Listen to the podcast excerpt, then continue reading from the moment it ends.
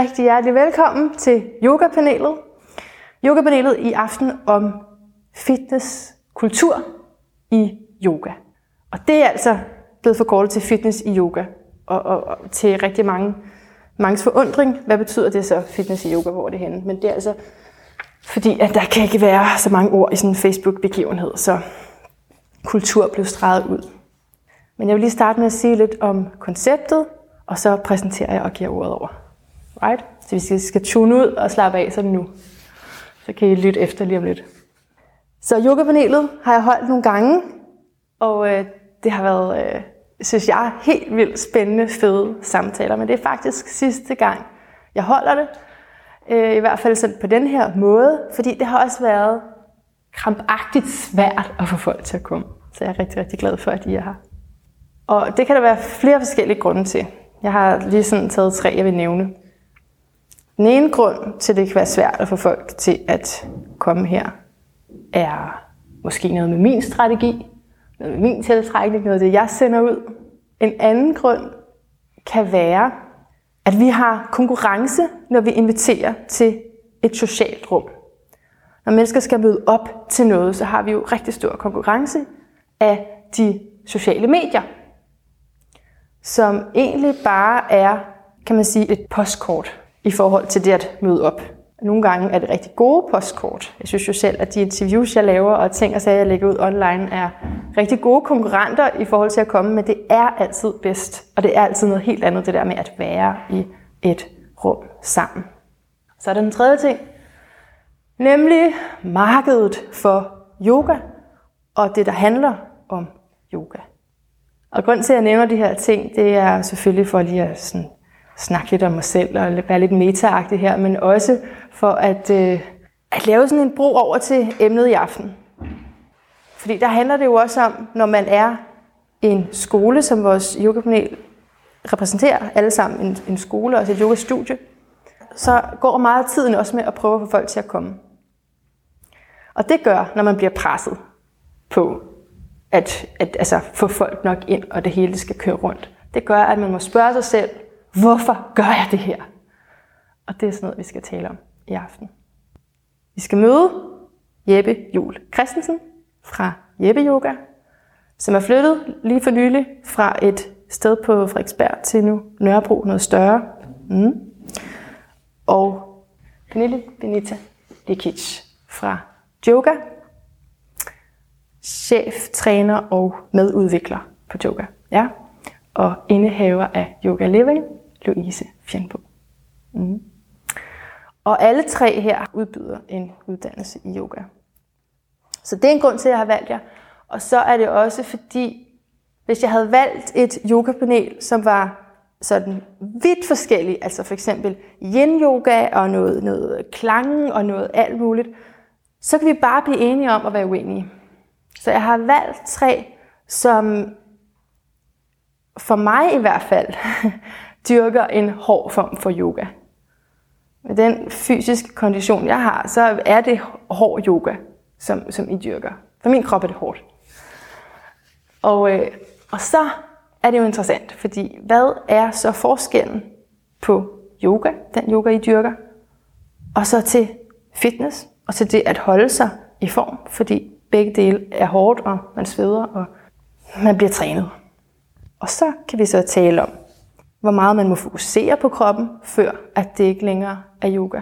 Og hvad er så sammenhængen mellem fitness og yoga øh, i dag? Altså jeg mødte jo selv yoga i et fitnesscenter.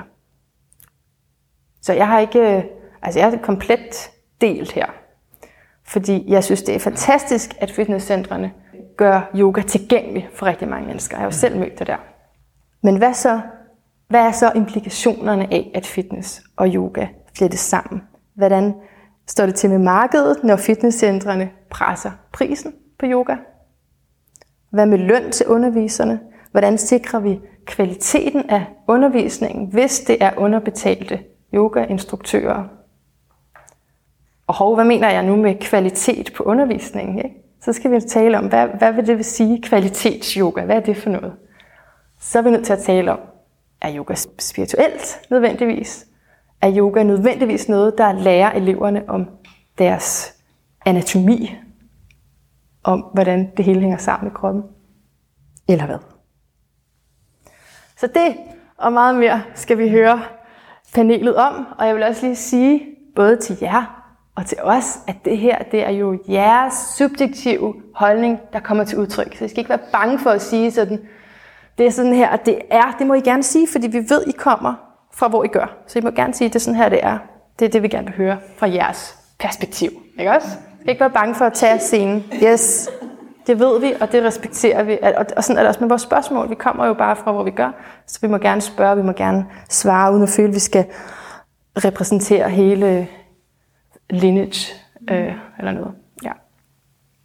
Øh, men jeg vil godt lige starte med at spørge, øh, hvor mange herinde er yogalærer, og man, må, man kan også, vi kan også sige, hvor mange har taget et kursus på øh, over 100 timer, skal sige, eller ja. Det var to, var det to spørgsmål. Ja, det var lidt farligt. Shit. Det var bare fordi, jeg tænkte, hvornår men det? Det er også noget, vi skal tale om måske. Hvor mange, hvor mange er yogalærer? De kalder sig selv yogalærer. Ja, ja, ja, ja. Godt, okay, godt. Det er også bare lige for, I har en idé om, hvad de, hvem er det, I taler til, ikke også? Alright. Ja. Så endelig skriv ned, hvad I har og, og, og får af spørgsmål her. Så øhm, Pernille, vil du starte her? Og øh, det kan være, at jeg sidder med hovedtelefonen derovre, det skal I ikke tage af. Men jeg vil starte øh, tiden nu, og så er det maks 15 minutter, men det må gerne være mindre. Right? Okay. Yes. Jamen, hej. Jeg hedder som sagt Pernille, og øh, jeg skal snakke lidt om, hvad, hvad yoga er for mig, og hvordan jeg synes, at fitnesskulturens, øh, ja, hvordan yogaen ligesom har, har taget sit indtog i, i fitnesskulturen. For lige at starte fra begyndelsen, så, øh, så har jeg altid været i en familie, hvor at øh, sport har været rigtig vigtigt. Øh, det har været langt mere sådan identificerende for, hvem vi var som personer, end for eksempel vores job eller øh, vores uddannelse. Og her snakker om min mor og min far. Så det var sådan, de blev meget defineret af, at, øh, at de var eliteløber og beridere og sådan. De, de definerede dem selv at være de her sportsmennesker. Så min opvækst har altid været meget atletisk.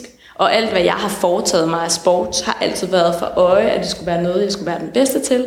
Og det skulle være noget, jeg kunne vinde, og det skulle være øh, røde rosetter hjemme på væggen, og medaljer og, og pokaler, og det hele skulle bare være der. Og det var jo i hele huset, at der hang medaljer og pokaler alle vejen.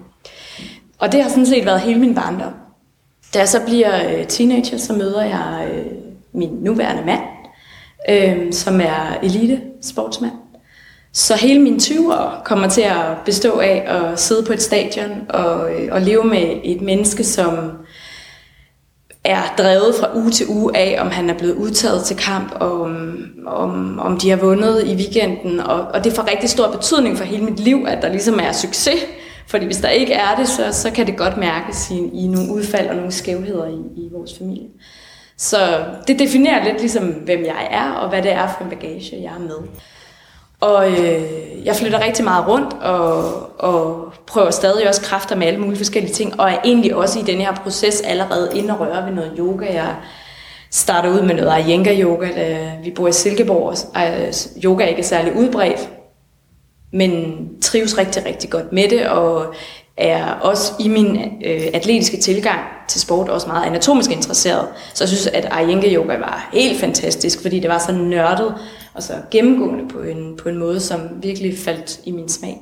Men det er faktisk først, da, da jeg bor i USA, at øh, jeg møder en yogaform, som slår mig bagover. Og hvor, man, hvor jeg mødte den her forelskelse, som jeg næsten vil gætte på, at I alle sammen i en eller anden grad har mærket for yoga. Men den her passion for en sport, som fik mig fuldstændig uh, blæst tilbage, fordi lige pludselig, så var der ikke det her pres på mig mere. Og lige pludselig var det mere bare en, en indre konkurrence, om man vil. Men det var i hvert fald mere sådan indadvendt i mig selv, at jeg gerne ville dygtiggøre mig på nogle andre præmisser end i forhold til at vinde rosetter. Altså der var ligesom ikke nogen præmie andet end at det var noget, jeg rigtig gerne kunne tænke mig at, at bare blive ved og blive ved og blive ved med at gøre, fordi jeg kunne mærke, at det gjorde noget positivt for mig fysisk, men helt sikkert også på et, øh, på et mentalt plan.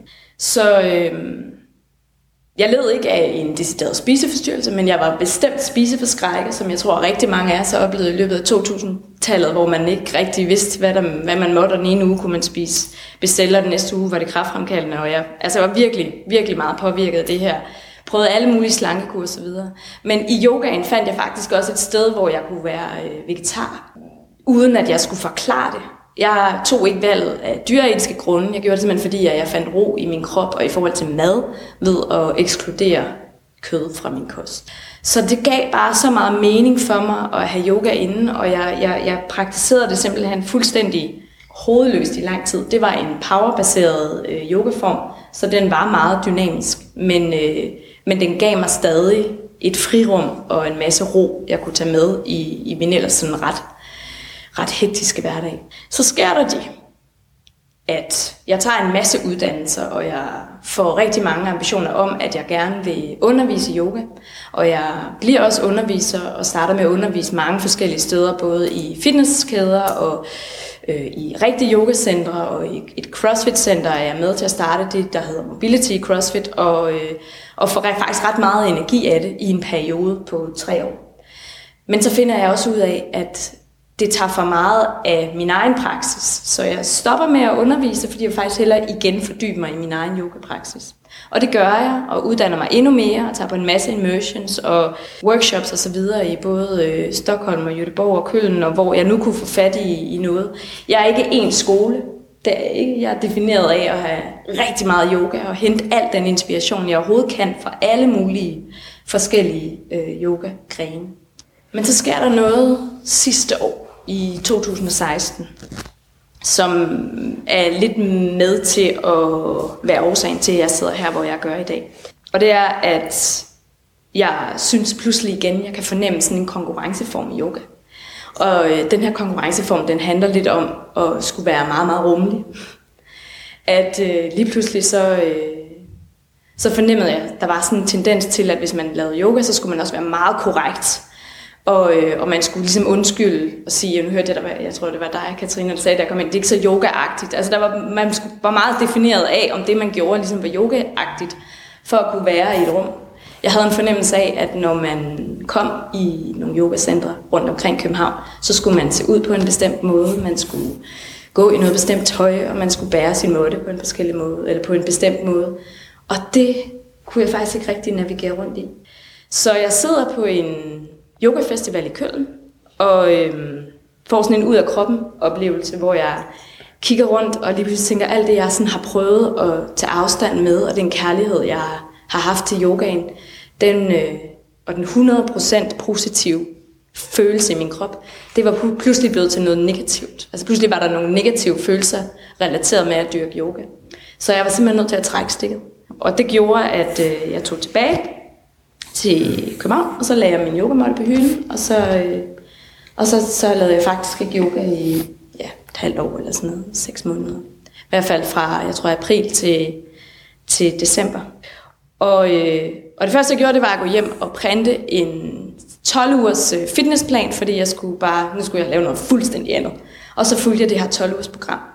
Og jeg indser jo så, at at meget af det, som jeg ligesom har med fra yoga, fordi jeg var så forankret i min yogapraksis, at det kunne jeg faktisk godt øh, tage med over i, i det andet, jeg lavede. Det vil sige, jeg gik faktisk stadig derfra med et roligt mindset, hvis jeg bare havde gået rundt og løftet nogle tunge vægte, eller havde været ude at løbe en tur, eller hvad det nu måtte være. Altså, jeg brugte rigtig mange af min, meget af min yogateknik, også i, i den her øh, fitnessverden faktisk, som det jo så var. Og så tror jeg lidt, at jeg følte, at jeg rykkede fra yogaen til fitness. Fordi lige pludselig var det i fitness, at der ikke var så meget dogme og så mange regler. Jeg kunne godt drikke en Cola Light, hvis jeg ville have det, uden der var nogen, der punkede mig i hovedet. Og jeg kunne godt spise en stor bøf, uden at der var nogen, der ville se ondt ned på mig. Så det var lidt sådan en, undskyld mit franske, men en stor fed fuckfinger til, øh, til yogaverdenen, og sådan gå over og, og synes, at det var okay at drikke øh, BCAA-pulver, og jeg ved ikke hvad, som, som jeg ellers har virkelig, virkelig øh, været, været afstand, taget afstand fra i lang tid.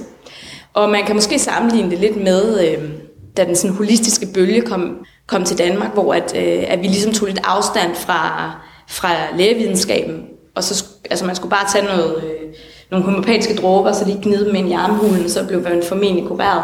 Og øh, lægevidenskaben, de var alle sammen korrupte, og der var, ja, ikke det, der ikke var galt med det. Men end of the day, så er det nok meget rart, at vi har antibiotika og alle de her ting, som, som kan hjælpe os med nogle og, og vacciner og hvad det nu måtte være. Jeg tror bare for mig handlede det om at finde noget balance. Og den balance, som jeg havde søgt i yogaen, den var gået over og blevet til en ubalance. Det var blevet til en ubalance, fordi jeg havde dyrket det så fanatisk, øhm, at jeg var blevet for dygtig og for korrekt, og, og faktisk slet ikke kunne navigere rundt i det, og slet ikke kunne leve op til det ideal, som jeg havde fået bygget op. Så da jeg mødes med Andreas Bang, som er ejeren af CrossFit i, øh, i august, for at snakke om det her øh, yoga-koncept, altså yoga med jod, så er det med sådan lidt skepsis, fordi jeg havde jo faktisk lagt yoga ind bag mig. Men på den anden side, så øh, kunne jeg faktisk rigtig godt tænke mig at være med til at øh, skabe et sted, hvor at der var plads til, at øh, man kunne dyrke en form for yoga uden dogmer og øh, uden nogen regler for, hvordan man skulle være, hvordan man skulle se ud, hvad man skulle spise, hvem måtte hænge, man hang sammen med, hvor mange penge man brugte på en taske, eller hvad det nu måtte være, hvor meget læbestift man havde på. Og, øh, og hvad hedder det... Øh, vi øh, var i en, i en lang dialog omkring, øh, hvordan det her koncept ligesom skulle bygges op, og vi var nok lidt offensiv fra starten af, for ligesom at, at placere os i markedet i forhold til, hvem, hvem vi var. Øhm, og da vi ligesom fandt fodfæste i det, så fandt vi ud af, at vi var et, et rummeligt sted, men rummeligt i den forstand, at alle skal kunne komme til os. Uanset om man taler flydende sanskrit, eller man aldrig nogensinde har, har mødt eller været til yoga nogensinde før. Så det var ligesom, hvad kan man sige, den måde, at, øh, at yoga blev funderet på, og de tanker, der lå bag. I forhold til det med fitnesskulturen og yoga, så tror jeg, at det hænger sammen med vores evolution, altså det, den, den tid, vi lever i i dag, at yoga som sportsgren, hvis man må sige det, hænger rigtig godt sammen med det liv, vi fører. Fordi at vi rigtig gerne vil være sunde, og vi vil rigtig gerne øh, være gode ved klimaet, og vi vil rigtig gerne alle de her ting. Og de ting, som yogaen dikterer, jamen de går rigtig godt i harmoni med det. Så derfor giver det god mening at, at kombinere, eller vælge yoga som sin sportsgren, hvis netop klima er vigtigt for dig, og hvis alle de her ting er, er vigtige for dig. Så det er derfor, jeg tror, at, at yogaen har, har vundet ind sådan over de seneste, seneste par Smukt. Ja. Har du lige øh, et par kommentarer til noget pris og løn? Ja, pris og løn, altså i forhold til... Pris for den, der går til yoga, og løn til ja. underviseren. Altså i forhold til, hvad det skal koste at gå til yoga, så ja. tror jeg virkelig, at jeg synes, det handler om, hvad man får, der hvor man går til yoga. Så øh, er der noget, øh, noget, hvad hedder det, øh, får man nogle for eksempel workshops, eller hvad det nu måtte være, øh, i det yogacenter, man går, uden for eksempel at skulle betale for det, jamen så, så er prisen måske tilsvarende højere, eller hvad ved jeg. Så jeg synes, den er lidt svær at svare på, for det afhænger faktisk jo lidt af, ja. af det sted, man er. Ja. Nu tror jeg ikke, at prisen i yoga, den ligger så meget uden for priser andre, andre yogacentre. Øhm, fordelen hos os, kan man sige, det er, at det er vidderligt tilgængeligt, fordi du kan jo bo altså, overalt i København, og du har altid lige smut ind og, øhm, og tage en yogatime, hvor du vil. Øhm, hvor at måske andre øh, yogacentre kan være begrænset af, at de kun har et center, eller kun har to centre, og de ligger måske ikke så centralt. Mm. Og hvad det var det et spørgsmål? Ja, så løn til underviserne, og i forhold til, at hvis man ikke lønner så højt, så er kvaliteten måske ringere, ringere. eller det Igen, så tror jeg ikke rigtigt, jeg Altså, det ved jeg ikke rigtigt. Jeg, det, det, det tror jeg ikke rigtigt er min boldgade at svare på det. Øhm, om pris og kvalitet hænger sammen, det gør det jo i, i nogle sammenhænge formentlig. Men, øhm, men jeg tror også igen på, at det handler lidt om setup'et. Øh, det handler også om, hvor mange undervisningstimer har du, hvor meget forberedelsestid har du. Så der er rigtig mange parametre, som man ligesom skal have for øje, når man snakker, hvad er fleksibiliteten? Er man i et yogastudie, hvor der kun er plads til, at man kan undervise to timer om ugen, og man kan ikke blive garanteret flere timer, så tror jeg også automatisk, at lønnen er højere. Er man et sted, hvor man faktisk kan blive lovet 21-37 til undervisningstimer om ugen, så vil lønnen jo formentlig også være tilsvarende lavere. Men det, ja. Det, yes, helt det, fint. Ja. Og, og meget, meget smukt øhm, indlæg. Tak for jeg det. Jeg vil bare lige rundt af ja, sige, at øh, yoga og jeg, vi har det rigtig fint i dag. og øh, at jeg tror, jeg er lidt, jeg vil rigtig gerne lidt sammenligne det med sådan et forhold, I ved, hvor man har været fuldstændig forelsket, forblændende forelsket. Og så til den der, hvor man vågner lidt op og tænker, hvem er du egentlig, og hvorfor er vi egentlig sammen? Det tænker jeg, at de fleste kan forholde sig til.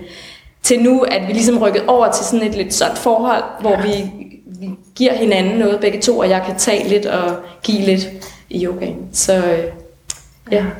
Igen, der hvor man bliver presset, så finder man ud af sit hvorfor. Ja, præcis. Så godt. Så er der mulighed for Jeppe og Louise for at kommentere. Og, øhm, og så har vi vores mulighed bagefter. Så er der nogen af jer, der har en kommentar eller et spørgsmål til det? Det er også fint at sige, hvis der ikke er noget. Jeg har været lidt nysgerrig efter, hvordan I sådan ser jer selv i forhold til resten af yogaverdenen. Er I sådan en, eller yogaverdenen i København? Føler I sådan I en del af det, eller føler I sådan rebelposition, eller bliver, føler I jer skubbet ud, eller føler I sådan... Jeg er bare nysgerrig efter, hvordan I har oplevet jer selv, og hvordan folk har reageret på jer. Altså, øhm, der er ingen tvivl om, at øh, den første måned, der tror jeg, vi føltes lidt som den nye dreng i klassen. Ham, som var fuldstændig ureagerlig og sådan en lille smule fræk. Men der har vi faktisk rykket lidt væk fra, og ja, vi positionerer os overhovedet ikke som den nye dreng i klassen mere, i og med, at vi har syv centre. Øhm, så jeg tror, at, øhm, altså, jeg tror ikke, vi føler os som en del af, af, den, af, af hvad skal man sige, af yoga kulturen her i København. Men jeg ved ikke, om vi er blevet adopteret til at være det. Jeg tror ikke, at... Øh, jeg tror, vi er et, altså, jeg tror, vi er et andet sted, og vi er måske, altså, vi er selvfølgelig defineret af, at vi er inspireret af de klassiske yogastillinger, det er der ingen tvivl om. Og jeg tror også gradvist, at vi rykker os tættere og tættere på noget, der klinger og rimer på yoga med y. Nå, øhm. så, så det du siger, at det er faktisk ikke yoga? Jo. Nå, okay. Det er inspireret af klassiske ja. yogastillinger. Ja, okay. Godt, godt, godt. Ja. Og det er jo også vigtigt for os ligesom at understrege, at det er det. Ja. Men der er nogle elementer, vi har, vi har klippet ud, og det har vi gjort både fordi et, vi har ikke kompetencen til det, så jeg synes heller ikke, at vi skal udtale os om det. Altså yoga er sådan en meget evidensfunderet praksis. Så vi forholder os kun til ting, som vi ved, der ligger noget, noget videnskabelig evidens for. Yoga med J, beklager. Vi kan kalde det... Ja, ja, ja. Yoga med J, ja. Så det er ligesom... Øh, så det er ligesom der, vi navigerer rundt i. Og så, så tror jeg bare, at det positive jo ligesom er for, for, for alle jer, der er yogalærer andre steder, det er, at vi ligesom er med til at virkelig brede det her ud. Fordi jeg tror, der er rigtig mange mennesker, som ikke tør komme til yoga med y. Fordi at det er sådan lidt, altså I kender den alle sammen, nej, jeg går ikke til yoga, for jeg kan ikke nå fødderne, eller jeg, jamen jeg, jeg, jeg kan ikke stå på hovedet og sådan noget. Ikke? Og nu får de ligesom prøvet det af, og får set, at det er faktisk ikke så farligt, og du får faktisk nogle rigtig gode fordele ud af det, også selvom du måske ikke lige, hverken anatomisk eller, eller hvad ved jeg, på grund af nogle begrænsninger, at er den klassiske yogatype. Så, øh, så jeg er sikker på, at det er bare med til at gøre, at vi får forankret og får, får, får gjort yoga-miljøet endnu større. Mm. Om noget. Mm. Så det er en del af din vision også faktisk, ja, altså at gøre yoga mere tilgængeligt. Ja. Meget smukt. Og meget smukt er den her personlige historie blandet ind i det, du så laver nu. Louise, har du nogle kommentarer? Ellers så kan du få lov at... Jeg vil da gerne ja. kommentere lidt. Ja. Jamen, øh, jeg, jeg tænker også, at yogaen er i udvikling, og at det bør den også være. Det vil da være smadret ærgerligt, hvis, hvis øh, vi skal læne os op af noget, som aldrig nogensinde udvikler sig. Det er jo slet heller ikke i yogans ånd. Der er ikke noget i yogaen, så vidt jeg ved, der, der taler om, at alting står stille. Jeg mener, det handler om bevægelse, det handler om noget forandring, det handler om at blive bedre eller forstå ting, udvikle sig. Øhm, om I så er med, eller hvad skal man sige, altså om, om, om, om yoga med J decideret bidrage med noget nyt, det ved jeg så ikke. Øhm, jeg synes jo i forvejen, at yoga er tusind forskellige ting, og jeg ser fitness yoga overalt, og har gjort det før I kom. Så på den måde synes jeg ikke, at I leverer noget nyt. Så vidt jeg ved, nu ved jeg ikke sådan 100% alt om jer, men jeg synes for eksempel, at, at den måde, jeg underviser i mit studie, er vidt forskelligt i forhold til, hvad der foregår her, for eksempel, øhm, og mange andre steder. Jeg har jo den indstilling, altså når folk kommer ned i mit studie, og jeg hører to veninder, eller ikke i mit studie nødvendigvis, men et eller andet sted rundt omkring, og, og to veninder står og siger, ej, jeg går til yoga, det, det er simpelthen bare så lækkert. Og så siger den anden veninde, ej, gør du, det gør jeg også, det er simpelthen så bare så fantastisk, er det ikke det? Og de står begge to og tror, de taler om det samme, men den ene går til fodbold, og den anden går til svømning. Og sådan har jeg det bare med yoga. Altså, jeg synes ikke, at det vi underviser her i København på nogen måde minder om hinanden. Slet ikke. Nej, det kunne lige så godt hedde fodbold og badminton for min skyld. Så om det er noget nyt, eller ja, vi har vel alle sammen et eller andet nyt, vi bidrager med, og forskellige vinkler, men det kan også bare være en anden person, der underviser på en anden måde, eller så er der nogen, der laver noget danse-yoga, og nogen, der laver noget yoga i varmt rum, og så er der nogen, der fokuserer på det ene og det andet og det tredje. Jeg tror, yogaen udvikler sig, og det tror jeg, den altid kommer til, og det håber jeg, den bliver ved med. Øhm, ja. Så egentlig bare en kommentar til, at det er helt Det er sgu da helt naturligt, og det er kun en god ting. Ja, og vi er forskellige, og sådan er det. Og folk må tage det, som de synes er dejligt. Ja, Ja, der er noget til os alle. Der er en til os alle. simpelthen. Godt. Der er en til os alle. Ja, Godt. jeg. Ja, ja, men øh, lad os lad mikrofonen gå over til Jeppe, hvis du er klar til at... Øh, Ja, men jeg tænkte, jeg egentlig ville starte øh, med sådan den, den første invitation, jeg fik af Maria til det her øh, panel. det har udviklet sig lidt. Så skrev jeg til dig og sagde, det synes jeg virkelig øh, var imponerende, Maria, at du fik sat mig i en gruppe, hvor jeg er den mest yogaagtige. Og jeg er vant til at tænke mig selv som den mindst yogaagtige, når jeg er rundt i, i, i, i yogamiljøet. Så synes jeg, det var, det var meget imponerende. Det var meget, øh, meget fint, at jeg skulle få lov at, at føle mig. Hvordan skal jeg så øh, håndtere det, når det kommer fra den, fra den vinkel? Øhm, fordi jeg har altid haft det meget øh, tvetydigt med sådan yoga-miljøet, og aldrig rigtig haft lyst til at være en del, del af det, eller for det meget hurtigt tænkt, det er meget fint, de må lave, hvad de har lyst til, jeg laver min egen ting herover, og det er sådan set ikke, har ikke rigtig noget med det at gøre. Øhm, så det var sjovt pludselig at, at skulle måske frem for at være den, der hele tiden siger, ja, men øh, det har jeg ikke lyst til at være med til, at jeg skulle prøve at repræsentere nogle af de, af de værdier i stedet for yoga-agtige værdier, hvis man skal kalde det det. Og så havde vi det her tema med øh, fitnesskultur i yoga. Og det der, den historie, der blev ved med sådan at komme tilbage til mig, det er jo sådan, øh, jeg tænkte, at vi skal snakke om kung fu faktisk. Fordi det er sådan den meget sådan, øh, meget sigende historie. Så når der ved, hvad kung fu betyder, så betyder det hårdt arbejde. Og sådan som kung fu øh, opstod, i hvert fald sådan den historien om, hvordan kung fu opstod, var den her øh, munk, der kom til et øh, kloster, hvor de så skulle øh, meditere i teorien. Men han kunne se, de sad bare hang. De kunne overhovedet ikke meditere, fordi de var alt for, de var simpelthen ikke fit nok til at meditere. Og så sagde han, I har brug for hårdt arbejde. I bliver nødt til at øh, være stærke, hvis I skal kunne meditere.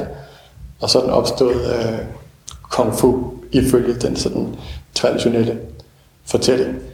Og for mig er det fuldstændig tilsvarende til, hvad er det fitness betyder i yoga. Hvorfor er det, vi har brug for at være i form, når vi skal træne yoga, eller hvorfor er det, det er vigtigt, at vi kommer i form, når vi træner yoga, at vi skal. Der er nogle ting, som vi skal, som kræver, at vi er i god form.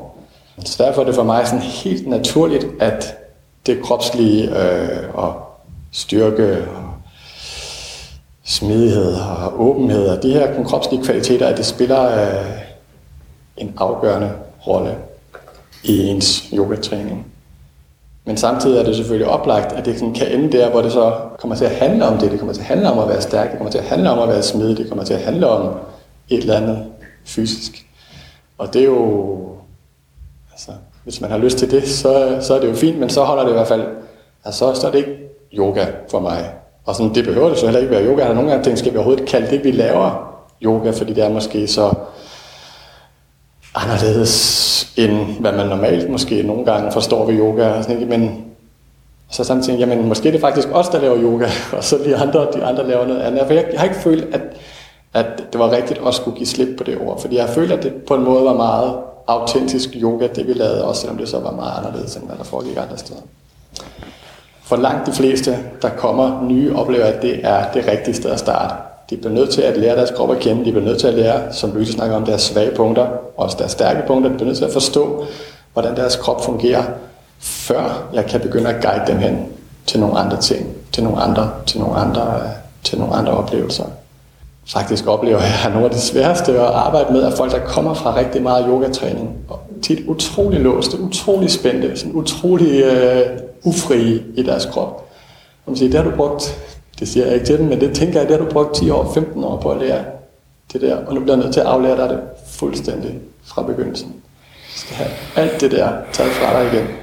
Og det skal man selvfølgelig gøre enormt nænsomt og enormt kærligt og enormt omsorgsfuldt, fordi ellers så går folk igen, eller altså, det bliver en usund relation, man får til dem, eller hvad det nu kan være. Men, men der er tit mange, mange ting, som skal, øh, som skal aflæres. Nogle andre, man så får ind, nogle andre typer øh, problemstillinger, er folk, der simpelthen er så øh, ufedt, og så sige skrøbelige, at man ikke, altså, man kan næsten ikke finde en måde at gå til dem på, som er tilstrækkeligt nænsom til, at de ikke øh, skader dem selv. Så dem er der, er der mange af, oplever jeg nogle stunder, folk, der er i så, i så dårlig form, og i så skrøbelig en kondition, at de kan sådan set ikke tåle øh, en almindelig øh, yogatræning. Og øh, det kunne være sådan, altså måske et langt forløb med ene timer, eller et eller andet, hvor man bygger noget ganske langsomt op, men hvem har, altså, hvem har råd til det? Sådan, det er jo utroligt dyrt, hvis man skal have sådan et forløb. Så det øh, er, altså, det er jo mere sådan et reelt problem for vores samfund, at mange, øh, mange mennesker kommer simpelthen ud et sted, hvor, hvor det bliver svært at få tilbage, tilbage fra. Det er i hvert fald en lang, lang øh, rejse, de skal på. Og folk kommer og forventer et eller andet sådan hurtigt fix, end bare at gå til yoga en gang om ugen, så skal alting blive godt. Det bliver ikke, bliver ikke godt af at gå til yoga en gang om ugen. Nogle gange bliver det da værre af at gå til yoga, fordi du er for skrøbelig, eller sådan, du, din krop er for ubalanceret, eller hvad man skal sige, så du gør bare ubalancerne større, hvis du bare træner yoga, uden at, øh, at der er nogen, der, der guider dig meget præcist i, hvordan du skal gøre. Og det, det er også en af de ting, som Maria havde taget med til den her debat. Der skal man gøre, når det hele ligger på øh, internettet. Hvorfor skal man så overhovedet komme til en yoga-time? Og det har jeg en meget øh, klar oplevelse af, hvorfor det er, man skal komme til en yoga-time. Og den måde, vi underviser på, er enormt øh, berøringsbaseret. Øh, og vi kører med nogle relativt små hold, så man er sikker på at blive rørt mange gange i løbet af en time. Og det giver simpelthen ikke, ikke det giver ingen mening for mig at skulle undervise i yoga på en anden måde. Hvis man ikke rører ved folk, hvis man ikke guider folk, hvis man ikke hjælper folk, så øh, er det de færreste. Jeg tror, der egentlig får noget øh, langsigtet øh, positivt, positivt ud af det. Og det har så også været min egen, øh, min egen rejse ind i det, blev ved med at undersøge det her, hvordan er det, man rører ved folk, hvad er det, man kan kommunikere gennem sine hænder. Jeg har altså siden jeg startede som yogaunderviser, taget andre uddannelser, taget en øh, Alexander Teknik læreruddannelse, hvis nogen kender det, er sådan noget meget sensitiv kropsbevidsthedsarbejde, som vi så har integreret i vores, øh, som gradvist er blevet integreret i vores måde at undervise yoga på. Det er stadigvæk nøjagtigt den samme serie, vi laver, det er nøjagtigt den samme, den samme ramme, vi, vi har, men måden vi går til det på ændrer sig hele tiden. Det er hele tiden mere raffineret, mere forfinet, blødere, omsorgsfuldt. Ja. Jeg tænker på, hvad er det, du gerne vil have dine elever komme tilbage til? Altså de her ubalancer, sådan ting, så er det balance, men hvad er det præcis, du ønsker, de får ud af den Astanga yoga og Alexander teknik, som du guider i? Ja, som jeg startede med at sige med det der ene minut, så er det jo sådan, jeg har en meget øh, klar opfattelse af, at der er sådan en, en, en virkelighed, som man kan forholde sig til. Den første, jeg snakker tit med mine elever om, sådan, der er sådan den ydre form og den indre form, og der er sådan nogle typer øh, yoga, der arbejder meget med den ydre form, og nogle typer yoga, som meget med den indre form. Du skal bare mærke, bare gøre det, der føles rigtigt. Du skal gøre det er meget stærk modstander af, det her indre, indre øh, form yoga. Men samtidig så er det selvfølgelig der, vi skal hen. Men bare realiteten er, at langt de fleste er slet ikke i stand til at navigere i det indre rum. Så det er en lang, lang rejse at få sige, den ydre form og den indre form til at møde hinanden. Så deres billede af, hvad de gør, og sådan den faktiske virkelighed af, hvad de gør, er tit utrolig langt fra hinanden. Og det der læreren at det er helt nødvendige bindeled til at sige, nej, ikke det der, nej, ikke det der, nej, ikke det der. Ja, lige præcis. Det her, det er det, jeg mener, når jeg siger sådan. Og det kan jo tage overvis, det kan tage 10 år, det kan tage, så det kan tage utrolig lang tid, før, en helt, før nogle elever forstår, hvad sådan en helt simpel ting egentlig, hvad det egentlig betyder. Så siger, nå, okay, nu forstår jeg det. Det har du sagt til mig tusind gange, men jeg forstod det ikke. Men nu forstår jeg det. Og så siger jeg, ja, det siger du måske igen om et år. Så siger du, nu forstår jeg det. Fordi den forståelse bliver igen. Og det er jo selvom, at det er den samme de samme ja. øvelser, ikke også? De samme sæt Det er netop fordi, det er de samme ja. øvelser, kan man sige, at man mm. får den mulighed for at gentage eksperimentet igen og igen og igen og igen. Så det er i stedet for spejle? Ja, læreren, læreren, bliver, læreren bliver dit spejl. Ja. Læreren ja. skal være dit spejl. Ja. Øh, vi kan nogle gange også godt bruge spejle, altså man virkelig skal sådan, hvis folk er meget lost, sige, jeg føler et eller andet, det føles rigtigt, og det er så bare åbenlyst ud fra, men det er ikke nogen god idé det her. Så kan man bruge et spejl og tage et billede eller et eller andet, og så kan folk tit godt se det faktisk, hvis de sådan får lov at se på det, øh, se på det selv. Så tit er vores visuelle oplevelse mindre forvrænget end vores sådan indre sensoriske oplevelse af tingene. Så det jeg hører er også, at du tænker, der er, man er nødt til at dedikere sig. Så hvis vi skal skabe en kontrast, så er det lidt mindre bare hvorhen i København du lige er, så kan du, kan du komme ind og få en time. Her det er faktisk, du er nødt til at dedikere dig til at komme altså, Nej, det behøver man ikke. flere gange i ugen for at... Folk nej, kan komme nøjagtigt så Ja. meget, ja. eller så lidt øh, de har lyst, og så skal det udvikle sig organisk, som vi Ja. plejer at sige. Det skal ikke være sådan, man føler, at, at man er tvunget til noget, eller sådan, altså, nej, men for at det har en effekt, så kræver det dedikation. For de fleste, ja, selvfølgelig. Der er nogen, der fanger ting øh, utrolig hurtigt, altså man kan lære dem noget meget hurtigt, men for de fleste er det, det er en, det er en overlang proces, og man er nødt til at have en personlig relation til dem. Så det er jo sådan et, øh, vi er et meget personligt yoga-sted, så vi har en personlig øh, relation til alle. Jeg kender alle eleverne, jeg kender deres navn, jeg kender dem i et eller andet omfang alle sammen, øh, og ved, hvad de kommer med, og hvad deres historie er. Altså, sådan, jeg har Er- altid en personlig relation. Er det en spirituel form for yogaundervisning? Altså det tror jeg bestemt ikke, øh, at mine elever vil sige. Øh, Jeg tror, de fleste oplever det som meget øh, fri, frisat for, for, den, for den slags ting. Og det vil er sådan et sted, hvor man kan komme og træne yoga, uden at blive belemret med nogle former for dogmer eller sanskrit. Vi har sådan fjernet, sådan over årene fjernet alle sanskrit-ord fra vores yogatræning. Okay. Så vi taler, bortset fra ordet yoga, vi stadigvæk har ordet astanga, som vi har, og så sat, altså vi har tre sanskrit-ord tilbage, vi ikke har kunne få Hold fjernet endnu, men alle andre sanskrit-ord har vi fjernet, Wow, så taler ja. vi kun, kun dansk. Okay. Jeg har givet alle stillingerne danske navne, og sådan, altså på den måde har vi meget systematisk forsøgt at frigøre os fra sådan hver Men det, ja, så det er fordi, du forbinder, når jeg siger spiritualitet, så forbinder du det med dogmer og en bestemt rigid måde Nej, altså det er at bare, men altså, arbejde med sindet på. der er ikke, øh, altså jeg vil jo sige selvfølgelig, altså det kan være, det er ordet spirituelt, der er blevet befængt med alle mulige betydninger, man ikke har lyst til at, øh, at identificere sig med, men, men det er jo en, hvad skal man så kalde en åndelig, det peger, det peger, det peger derhen, helt Ja. klart, altså Ja. øh, det er jo sådan, øh, som jeg kan sige nogle gange, sådan at øh, hvis vi bare kunne finde ud af at sidde, eller bare kunne finde ud af at stå, så behøvede vi ikke træne yoga. Så det er sådan, det peger altid hen imod de her stadig simplere ting, hvor man kan opleve stadig mere dybde. Og den der dybde oplevelse, det er jo en, en, åndelig, en åndelig oplevelse, eller for nogle bliver det jo også en, sådan, sådan en religiøs oplevelse, men vi vil helst ikke tale om det som andet end det er en oplevelse, du har, og den oplevelse, der får betydning for dig. For ikke at definere det, for ikke snævre det ind. Ja, lige ja, præcis, ja. Fordi noget af det første, du sagde, var sådan, det er jo også okay for folk, hvis det bare er det fysiske, men i det okay. lå der også en indikation af, at for dig er det mere. Ja, det peger, det peger et sted hen. Helt klart. Og det opdager folk i deres, deres eget tempo. Nogle opdager det ikke, og det er også, det er også fint. Altså, det skal helst opstå. Interessen skal opstå af sig selv. Ud fra oplevelsen af, at, øh, at der er noget. Der er noget der, der giver mening. Øh, Jeg tænkte også en ting, jeg ville sige, sådan at, altså, at i måden, at vi prøver at øh, brande os selv på, som er lidt sådan anderledes, så ser vi nogle gange sådan, jamen yoga er en, yoga er en, en holdsport, kan vi godt finde på at sige, for sådan at pro- provokere lidt. Og det er det, der ligger i sådan, det meget fælles, fællesskabsbaseret øh, træning, vi har. Vi står, den måde, vi står på, er baseret på, så man kan se hinanden i øjnene, se, der er andre elever, kan kommunikere med hinanden, så man får en, en følelse af, at det er faktisk et fælles, et fælles projekt, man er en del af her. Man kender hinanden, man snakker sammen, vi starter altid timerne med lidt small talk. Vi åbner for, at man må gerne snakke i løbet af timen, hvis det, det opstår på en, på, en, på en organisk måde. Og så siger vi, at yoga er en, en kontaktsport, igen for at provokere lidt, men at det er så meget baseret på den kontakt, der er mellem læreren og eleven. Så yoga er en holdsport, og yoga er en kontaktsport hos os. Så øh, vil du gerne lige have nogle ord om det her med løn og øh, Ja, pris ja og sådan noget. gerne.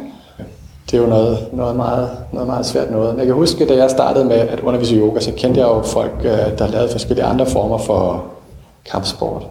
Og det er sådan, får du løn for at undervise? Det er sådan helt, øh, helt forbløffet over. Fordi i langt de fleste andre øh, sammenhæng, hvor man laver sådan med kroppen, der arbejder folk frivilligt.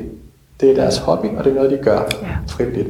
Ja. Så de var den helt forbløffet over, at der var sådan en, en pengekultur i yoga, man faktisk regner med at få løn og sådan at kunne, øh, kunne måske leve af det. Det var de jo meget, meget forbløffet over. Og det er jo på en måde fantastisk, synes jeg, at det er muligt for nogle mennesker at leve af at undervise øh, i yoga. At nogle mennesker på den måde kan dedikere deres, deres liv til det her. Det er jo en, så det er mere undtagelsen at kunne leve af det? Altså man siger, der er så mange yogalærer nu i København, at øh, det er nok ret meget undtagelsen øh, at, at, øh, at kunne leve af det. Og jeg tror, det er godt, at der er nogen, der kan. At der er nogen, der kan leve af det. Det er en god ting, at der er nogen, der kan leve af det. For der er nogen, der så kan dedikere ligesom mere af deres øh, liv til det. Men altså, det vil jo ikke kunne altså gøre, at alle de yogalærer, der er i København, skulle leve af at undervise yoga. Så på en måde skal det jo også godt være. Altså, det er jo også vigtigt, at det er noget, der kommer altså, fra en lystbaseret. Det er så, øh, ja, det betyder så meget for mig, at jeg gerne vil give det her videre. Og det gør man jo i masser af sammenhænge. Man er spejderleder, eller altså, der er jo masser af steder, hvor man laver øh, frivilligt arbejde på den måde. Så hvis man virkelig brænder for et yogasted og en bestemt måde at lave yoga på, og det har givet en en hel masse selv, hvorfor skulle man så ikke, uh, ikke have lyst til at give det videre? Mm. Bare fra, fra hjertet, mm. og ikke fordi man får, får penge for det. Yes. Alright, jeg vil stoppe din ene tid her, og give ordet over til uh, dine medpanelister, hvis der skulle være en kommentar. Jeg synes der i hvert fald, der kunne der i hvert fald godt være noget til det sidste der. Ja. Louise? Øhm, jamen, jeg er meget enig i mange af de ting, også, øh, som du også siger, Jeppe. En ting, som jeg blandt andet hæftede mig ved, som jeg øh, også tit, ja, som sådan et af mine mantraer også, det er det her med, at jeg har skrevet ned på mit papir, en af de farligste klichéer i yogaverdenen, det er, når yogalæreren siger, lyt til din krop. Og det er sådan lidt, altså, hvis, hvis den vestlige krop som sidder 8 timer mindst på en stol hver dag, kommer ind i en yogatime og skal lave nogle ret avancerede bevægelser, skal lytte til, hvad den har lyst til, hvad den har det godt med. Så er der skudt hagen frem, lad skuldrene falde frem, lad lænden falde sammen, vær helt passiv mavemusklerne, vær helt passiv ballerne, ikke kunne mærke sine fødder, ikke kunne bruge sine fødder, ikke kunne løfte og sprede sine tæer, ikke kunne balancere, ikke kunne øh, have en holdning, der ligner noget, som, som vi kan øh, bruge til noget. Hvis det menneske, hvis den vestlige krop skal gå ind og lytte til sin krop, øh, så, så tager den bare alle sine dårlige vaner med ind i den her yogatime. Og det mener jeg er desværre tit det, der sker, når vi ligesom skal følge det, vi føler, eller gøre det, vi synes er rart. Det er jo altså, og det er jo også det dybest set, som yogaen handler om. Det handler om at løfte sin bevidsthed. Det handler om at få en højere bevidsthed. Det handler ikke om at blive ved med at gøre det, du plejer. Det kan du, hvis jeg skal gøre, hvis jeg skal lytte til min krop, så er det som regel lægge dig ned på sofaen og spise nogle flødeskud, eller nogle, altså halvdelen af tiden, ikke hver gang, men det er også dejligt at gå en tur i skoven og så videre. Men forstår jeg, hvad jeg mener, at det er jo mm. ligesom, mm. hvad er det for en stemme, vi lytter til? Der er mange stemmer derinde. Og yoga handler absolut ikke om at lytte til nogen som helst stemmer eller nogen som helst følelser, fordi det er bare noget, der virvler rundt. Det handler om at finde en fornuftig og bevidst handling, og en bevidst og en, en, en oplyst bevægelse, altså en, en bevægelse i en krop, som gavner dig. Men det gavner dig ikke at gå ind i de vaner, som du øver bevæger dig i resten af dagen. Og derfor har du en yogalærer, som fortæller dig, prøv at høre så skat, det er super, du ser sådan der ud, og du gør det der, men det gavner dig ikke. Hvis, hvis du vil gavne din krop, så prøv det her. Så får du det godt, så kan du trække vejret bedre, så bum, bum, bum, ikke? Øh, så, så ja, fuldstændig enig. Det vestlige verden er så skrøbelig, så det er simpelthen ikke muligt at bare sige, bare bevæg dig intuitivt, og så tro, mm. at man får det godt. Nej, og, og man kan sige, men modsætning, altså en anden måde at se det på, det du siger, er jo så, at det er også meget øh, moralsk. Eller sådan, det er sådan her, det skal være at være dig i din krop. Så det er jo også, man sige, du tager i hvert fald også et standpunkt så. Øh, ja, fordi jeg tror ikke, at nogen kroppe har godt af at sidde sådan her med ja. hagen skudt frem ja. og nakken faldet sammen. Og det tror jeg ikke gælder for nogen. Jeg tror ikke, der er nogen mennesker, som har bedre af en kontorkrop. Altså sidde i en kontorstilling øh, Det tror jeg, jeg tror jeg vidderligt ikke på, at der findes en krop i den her verden, hvor en fremskudt hage, en sammenfaldende nakke, en sammenfaldende lænd, en stiv sammenfaldende lænd, og svage fødder, svage baller, svage mavemuskler, er en super form. Nej, det tror jeg ikke. Det er fuldstændig rigtigt. Alright, det var din kommentar. Pernille, har du? Ja, ja, du må gerne respondere. Jamen, det var meget øh, fint øh, indspark her fra, fra Louise. Jeg altid, vi kender faktisk lidt hinanden, fordi jeg underviste på Louises studie for 10 år siden, eller hvor lang tid det var. Det, det gamle sted, hvor jeg underviste lige var, var lukket. Så vi kender hinanden lidt derfra. Jeg har altid været lidt fascineret. Har også nu for nylig mødt en af Louises øh, lærere, sådan at, som hun kunne sådan sige, at det minder utrolig meget om det i tilgang, og så er det bare helt forskelligt. Så vi kan have den her sådan meget ens øh, opfattelse af, at Ja. det nytter, nytter ikke noget at bare gøre, hvad du føler. Men, men hvad, man, hvad man så skal gøre, øh, det kan man stadigvæk godt være meget, der meget, ligger. meget uenig om, Yes. selvom man er enig om, at man ikke bare skal gøre, hvad man, man mærker. Og der, hvor jeg oplevede, at jeg i hvert fald, i hvert fald over årene mere og mere har, har taget det hen, er fra en sådan mindre ydre form, og så hjælpe folk hen imod. Jeg tror faktisk godt, det kan lade sig gøre at komme til et sted, hvor man kan begynde at stole på de her ting, men det er en lang, en lang rejse, og det tager, øh, det er en sådan rimelig dyblæggende personlig øh, revolution, man skal igennem. for derhen. Men, men det er da sjovere, det er federe, det er da det fedeste sted at være, når man er der, faktisk at kunne begynde at stole på de impulser, man får. Og jeg underviser ikke, som jeg gjorde, da jeg var eller for 10 år siden. Bare lige så du ved det. Nej, men det hænger ved. Det er jo lidt sjovt at høre jer snakke, fordi at, øhm, jeg er jo med jer rigtig meget hen ad vejen. Men noget af det, vi sådan, øh, noget af det, som, som jeg også personligt har, har, har det en lille smule svært ved, det er sådan det her med at være lidt diagnostiserende i den måde, man underviser på. Og jeg kan godt mærke, at jeg bliver en lille smule stiv i mit smil. Altså sådan lidt, jeg synes virkelig, at, øh, at det bliver sådan en lille smule bedre vidende, faktisk. Øhm, og jeg er helt med på, at, at, at der er noget, der er korrekt, og der er noget, der er forkert, også inden for yoga. Og selvfølgelig er det også det allerførste, vi spotter efter, når vi vejleder i vores timer. Det er ligesom at scanne for noget, der potentielt kunne være skadeligt.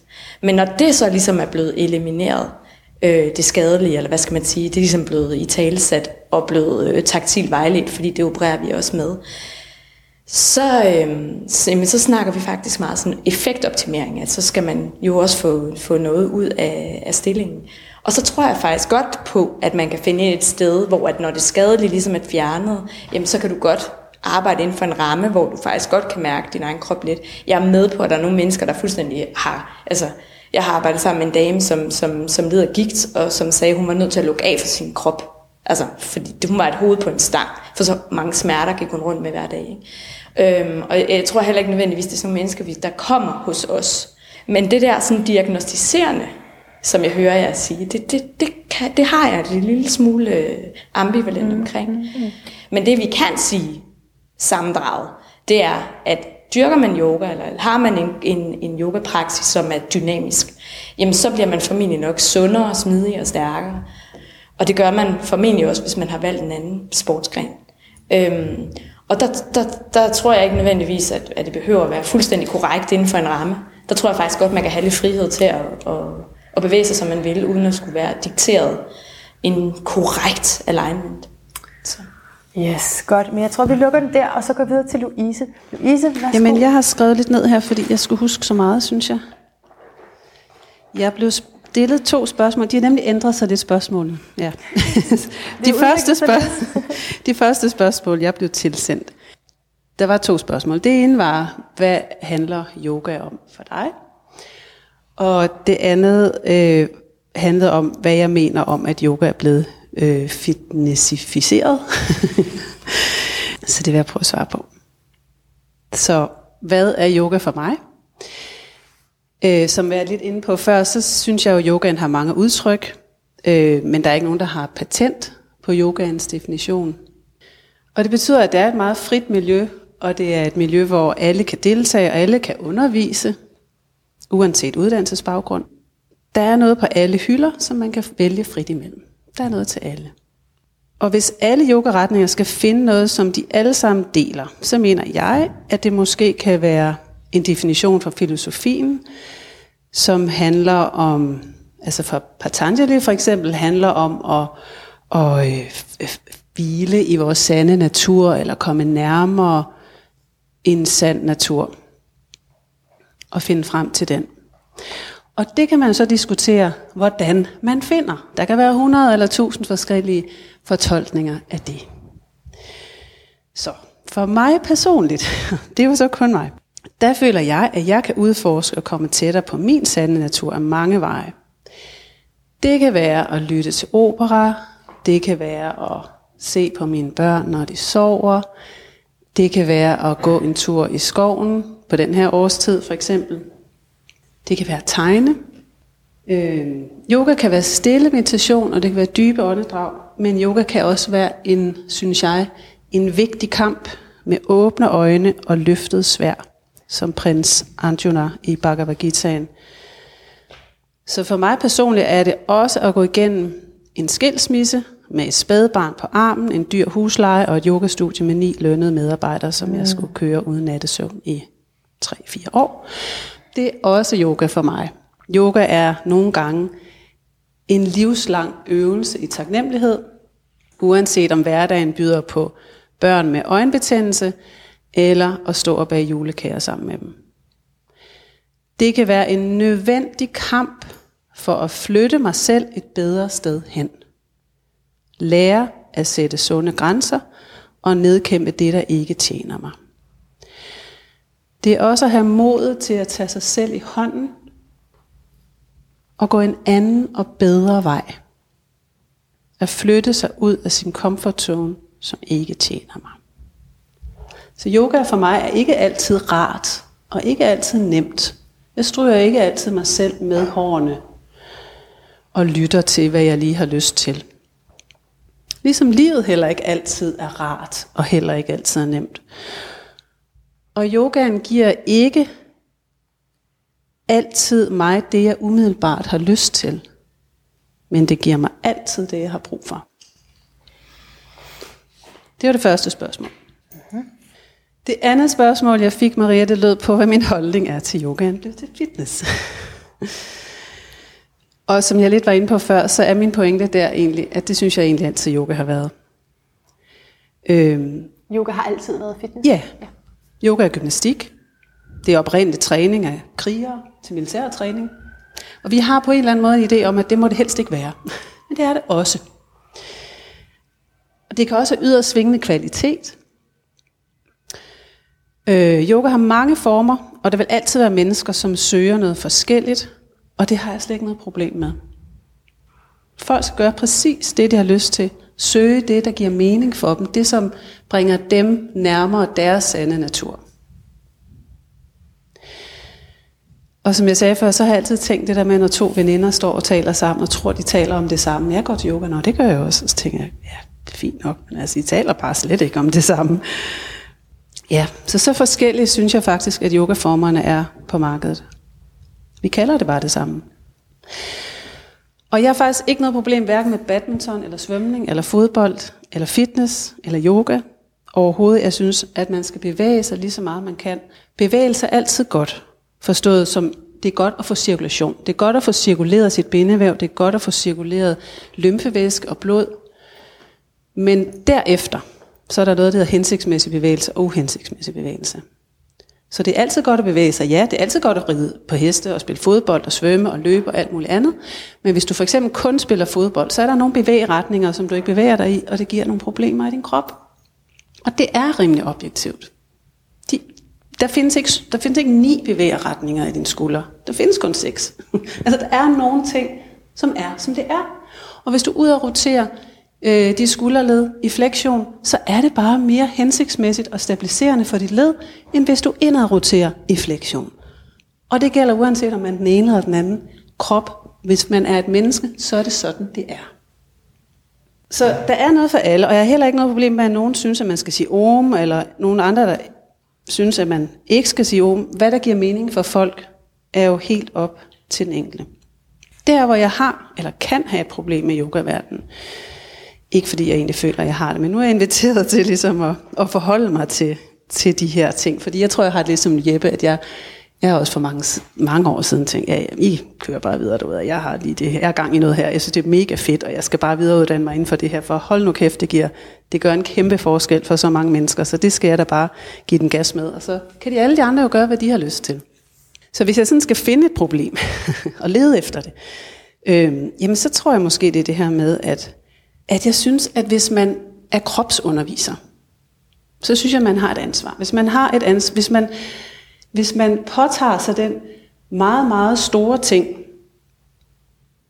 eller det store ansvar, at få andre til at bevæge sig på en bestemt måde, med risiko for, at det faktisk skal skade dem for resten af livet, så synes jeg, at man som minimum skal forvente en vis basisviden om kroppens biomekanik.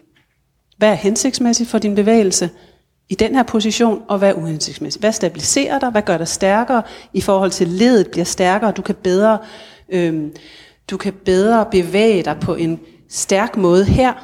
Hvis du gør sådan her, hvis du gør sådan her, så, så vil risikoen for skader være stor. Den viden, synes jeg, at alle mennesker, som, som tager det store ansvar og guider folk rundt i nogle bevægelser, bør øh, tage alvorligt ved at med, uddanne sig ordentligt. Det er noget med kvaliteten af undervisningen. Ja, og det er ikke kun i yoga. Det mener jeg faktisk også, at fodboldspillere, karate, altså jeg underviser også karate-trænere, jeg underviser sportsfolk øh, og trænere og alle mulige andre. Øh, jeg mener, det er vigtigt, når man beskæftiger sig med, uanset om det er fodbold eller badminton eller andre ting, så skal du vide, at når du saver som tennisspiller, så laver du konstant en rotation. Eller hvis du svømmer fly og laver, øh, altså laver hvad hedder, butterfly svømning, så laver du hele tiden indadsrotation i din skulder, og det giver et problem på et tidspunkt, fordi du, indad, du, du flexer din, din skulder, mens du indadroterer, og det giver en skade på et eller andet tidspunkt. Så derfor bliver du nødt til at gøre noget andet for at balancere den bevægelse, så du bliver stærkere i den, i den bevægelse, som du nu, nu så har valgt at lave rigtig, rigtig mange hver, gange hver dag, og som ikke gavner dig. Ja. Så den, den handler egentlig ikke bare om, om yogalærer, men, men egentlig også om karate-træner, badminton-træner, gymnastiktræner, folk, der træner børn. Mm. Wow, jeg synes godt nok, der foregår nogle ting rundt omkring mig. Jeg tænker, skat, vi skal bare ud og lege i skoven. Vi skal ikke gå til det der. Fordi den naturlige bevægelse for barnet vil være meget sundere, fordi i den træning bliver de placeret i, en, i netop i en robotagtig øh, position, at de skal bevæge sig på en bestemt måde, hvor at den naturlige bevægelse, som barnet jo netop har, og som er naturmenneskets helt intuitiv og sunde bevægelse, bliver taget fra dem, og så får de en ensidig bevægelse, som for eksempel fodbold, eller den her indad rotation, hvad det nu kan være. Så. så men det siger du, det er faktisk et problem, du skal lede efter.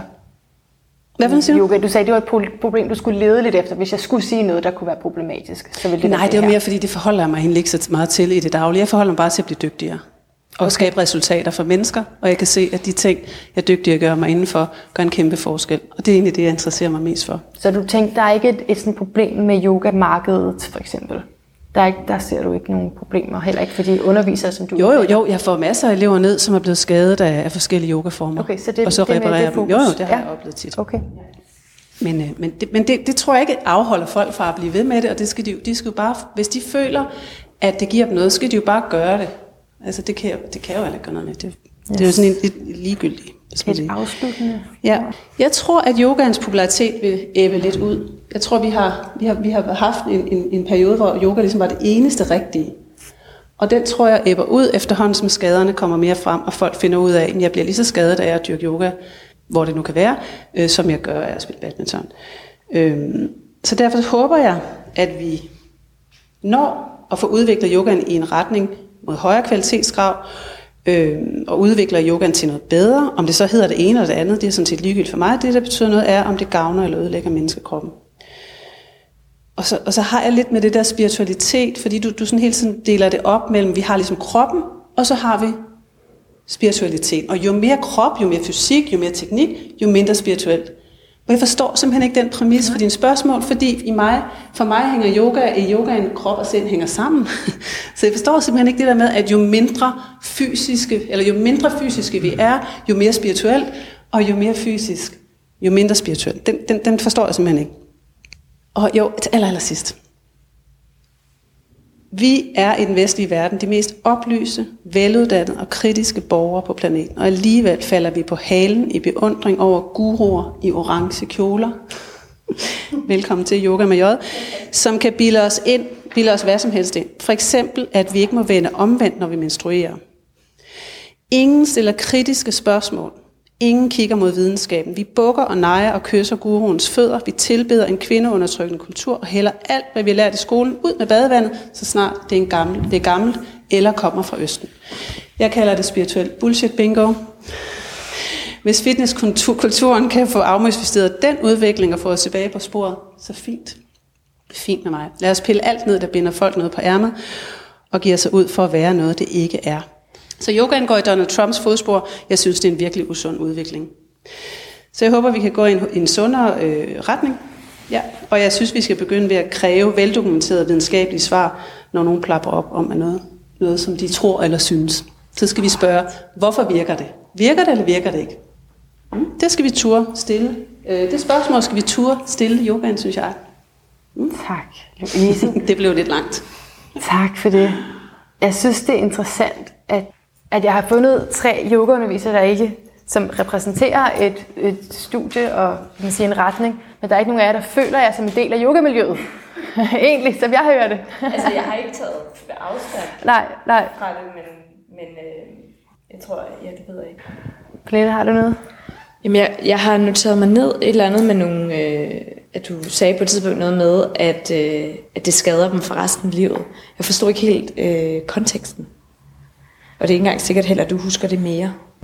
Jamen, øh, jeg har, jeg vil ikke sige dagligt, måske ugenligt eller månedligt, folk, der kommer, som er skadet af sportsskader og yoga. Så på den måde, så for mig er der ikke nogen forskel, om du står og hænger i et hundestræk, eller om du øh, ikke kan finde ud af at spænde i ballerne og, og trække halebenet ind, når du står i en fuld bro, eller ikke kan ud og rotere skulderledet, eller få albuerne ind, eller knæene ind og sådan noget. Om du skader dig der, eller om du skader dig i svømmehallen, eller på sportsbanen eller noget. Det er varige skader. Og, og, og, og det, det, det skræmmende er faktisk nogle gange, at, at jeg kan få folk ind, ja, som sagt meget til en time og sådan nogle ting, hvor jeg har dem en til en, hvor at, at det er faktisk nogle gange dem, der aldrig har trænet, de er, næsten, de er faktisk mindre skadet, end dem, der har trænet yoga eller sport. Men det er jo klart, for de har jo formentlig bare ligget hjemme på sofaen, tænker jeg.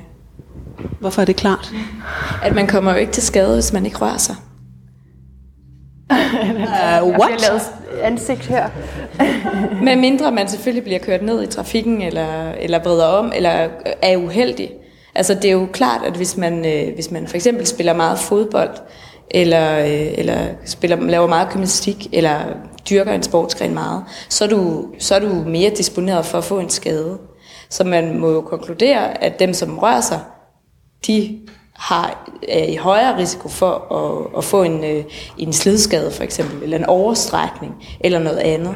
Hvorimod dem, der bruger mere tid hjemme på sofaen, de får højst en albuskade, eller en, en musearm, eller hvad det måtte være, men ikke, ikke, ikke en, en overbelastningsskade for eksempel. Altså overbelastning kommer jo af, øh, at man er svag og gør noget, som man ikke har kapacitet til at gøre i sin krop. Det vil sige, at man træner højere end sin kapacitet. Så hvis du for eksempel skal ud og løbe, og du bliver skadet, så er det højst sandsynligt, fordi du ikke kan hofte ekstendere. Så i stedet for, så går det i lænden. Du, kan ikke, du holder ikke fødderne inde, fordi du ikke kan ind og rotere. Når du ofte ekstenderer, det vil sige, at dine fødder peger ud af, så laver du en knæskade. Så ja, selvfølgelig er man højere eksponeret for skader, når man bevæger sig, hvis man er svag. Men det betyder jo ikke, at bevægelse er usundt. Det betyder ikke, at bevægelse er farligt. Hvis du for eksempel er et naturmenneske og bevæger dig i junglen, så er du ikke skadet, så bliver du ikke nødvendigvis skadet. Det man skal, tror jeg, altså, som jeg i hvert fald mener, det er, at, at sport er jo ikke naturlig bevægelse.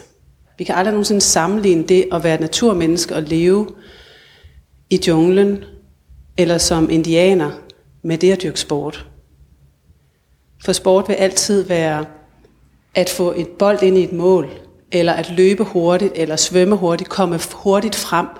Sport i sig selv er ikke noget, man gør for at gavne kroppen. Det kan godt, folk, godt være, at folk går til sport, fordi de synes, det gavner deres krop, men det er ikke noget, der gavner kroppen på længere sigt. Så på den måde er jeg enig. Og, og det er fordi, at sport vil altid være en mangelfuld ensidig bevægelse i, i forhold til hele kroppens potentiale og hele det bevægelsesmønster, som kroppen er designet til at kunne lave. Den er både designet til at kunne flekse i skulderen og ekstendere, udadrotere, indadrotere, abduktere og, og adduktere. Og hvis ikke du laver alle de bevægeretninger, kun laver to og gør dem rigtig, rigtig meget, ja, så kommer der slid. Så på den måde kan man sige, at det er farligt at dyrke sport, men det er jo kun fordi, at vi tror, at sport er gavnligt. At vi, altså, det er der, den går galt, ikke? Yes. Jeg vil gerne begynde at have nogle hænder, hvis øh, man har indvendinger. Godt. Jeg kom i, jeg fik, kom i tanke om ja. et par kommentarer. Må jeg komme med dem ja. først? En ting er, som jeg... Noget, der starter i mig, når Louise sidder og snakker, det er sådan, jeg føler, hun sætter nogle nye sådan, dogmer op, og det er sådan et andet med den anatomiske, sådan entydige sandhed. Og det er ikke, øh, det er ikke min oplevelse, at der findes en sådan, og vi kan skære det så firkantet ud og sige, jamen, øh, der er kun sige, der er, der er ligesom meget uenighed omkring sådan de anatomiske sandheder, som alle mulige andre ting, som videnskaben beskæftiger sig med. Der er jo ikke, stort ikke noget videnskab, hvor der er enighed sådan over et helt felt om, hvordan tingene hænger sammen, eller hvordan man skal gøre ting. Så øhm, det synes jeg, man skal være opmærksom på, at man kan have den her tilsvarende opfattelse af, hvordan er det, man skal træne yoga, og så gør det stadig helt forskelligt ud fra nogle helt forskellige idéer om, hvordan den levende krop øh, fungerer. Det var en ting, jeg ville sige. Det andet var så det her, som Louise så pointerede med, jamen er der nogen forskel mellem sådan det kropslige og det, og det spirituelle? Og det synes jeg fint, at sagde, men der er jo ikke nogen forskel, for det er jo sådan, hænger sammen, eller hører sammen, eller er det samme.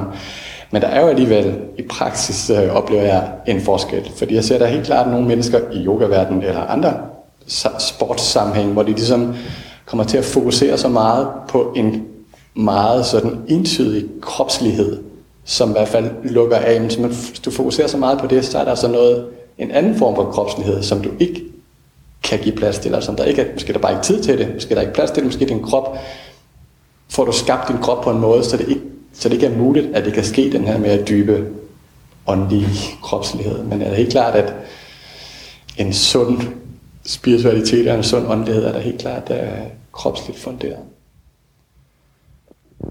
Right. Uh, ikke uh, mere uh, respondering, han har sagt, men herude fra salen. Hej, jeg hedder Lena, og også yogalærer. Um, det var bare lige en kommentar. Jeg har flere spørgsmål, men en kommentar til det, vi så har snakket om nu. Med, og der tænkte jeg, at jeg har tit oplevet flere folk, der kommer på min hold, som har diskusprolapser. Og der ved jeg sådan, at det er rigtig vigtigt, at jeg siger, du skal ikke træne den her yogaform, du skal ikke træne Ashtanga, men, eller en begyndende diskusprolaps, men gå hen på det her hold i stedet for. Øhm, og der, der har jeg sådan lidt opdaget, oplevet og hørt sådan for mange, at øh, især i USA, men også sådan lidt i Danmark, at man begyndt at have sådan meget, meget korte uddannelser, som måske er et weekendkursus, eller øh, og der igen, mit spørgsmål det er sådan lidt i forhold til det med uddannelse. Altså, hvor vigtigt er det, at en uddannelse er lang, og man har mange, mange timer bag sig? øh, ja, jeg ved godt, det, det er sådan lidt det samme. Men, øhm, men jeg ser bare lidt et problem i det, fordi at jeg ser det mere og mere, at, at man får de her meget korte uddannelser, så går man bare ud og underviser. Og er det, er det i orden, eller er det, øhm, skal vi sådan sige, nej, man bør egentlig tage en længere uddannelse. Det var det. Godt. Yes. Og det var, er det til hele panelet, eller? Yes.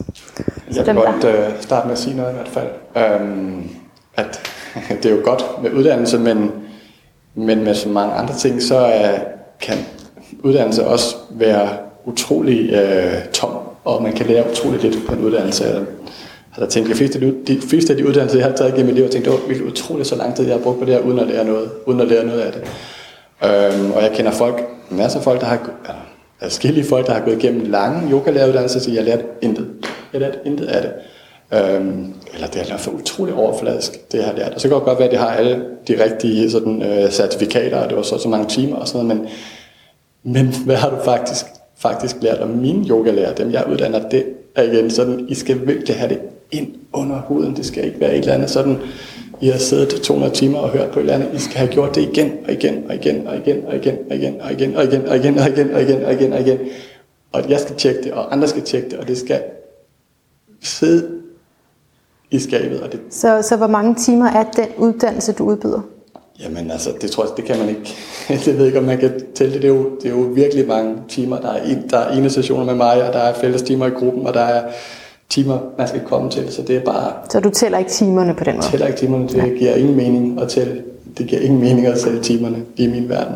Det giver kun mening at se folk rykke sig, se folk faktisk forstå, hvad det er, de laver. Alright. Jamen, jeg synes heller ikke, at timeantallet sådan siger så meget om kvaliteten, fordi jeg kan godt tage en to eller 500 timers uddannelse, uden at lære så meget. Det er jo mere indholdet i den. Øhm, og, og der er jeg også meget enig med Jeppe i, at, at hvis ikke man selv har erfaret de ting i sin egen krop, som man giver videre, så, så tror jeg ikke, at det vækker genklang hos andre. Altså ikke, at vi alle sammen er ens på den måde, men at vi...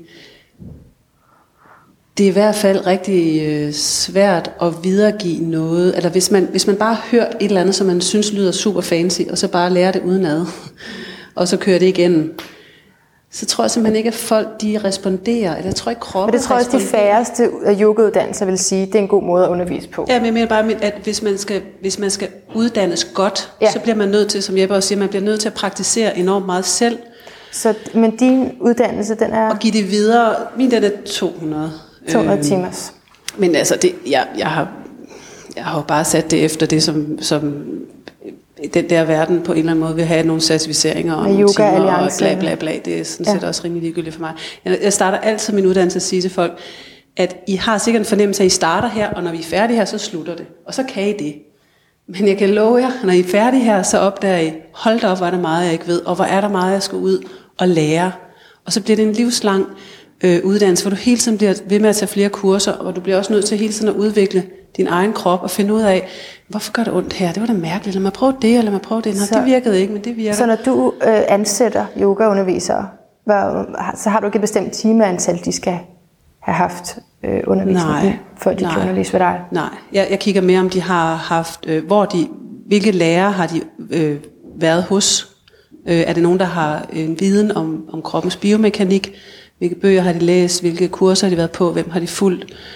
Ja, er det et eller andet flow dansekursus på Goa i en måned, så tror jeg bare, så tror jeg ikke engang, jeg, nej. Altså ja, så det er sådan noget, hvad jeg mener, der er kvalitet, ikke? Alright. Ja. Ja. Pernille, har du en kommentar? Jamen altså, øhm, nu kan jeg jo selvfølgelig kun tale ud fra yoga, og i yoga har vi... Hvad? Med J. tak. Øhm, jeg har faktisk lige snakket i dag med Thomas, som er min kollega, der sidder, og vi kan ikke stave til yoga mere. Vi har begyndt at skrive det med J begge to. Nå, det er lidt tidsspring. Men øhm, øh, ja, jeg kan kun tale ud fra yoga med J, og øh, der har vi ikke nogen uddannelse. Vi har et trænerkursus.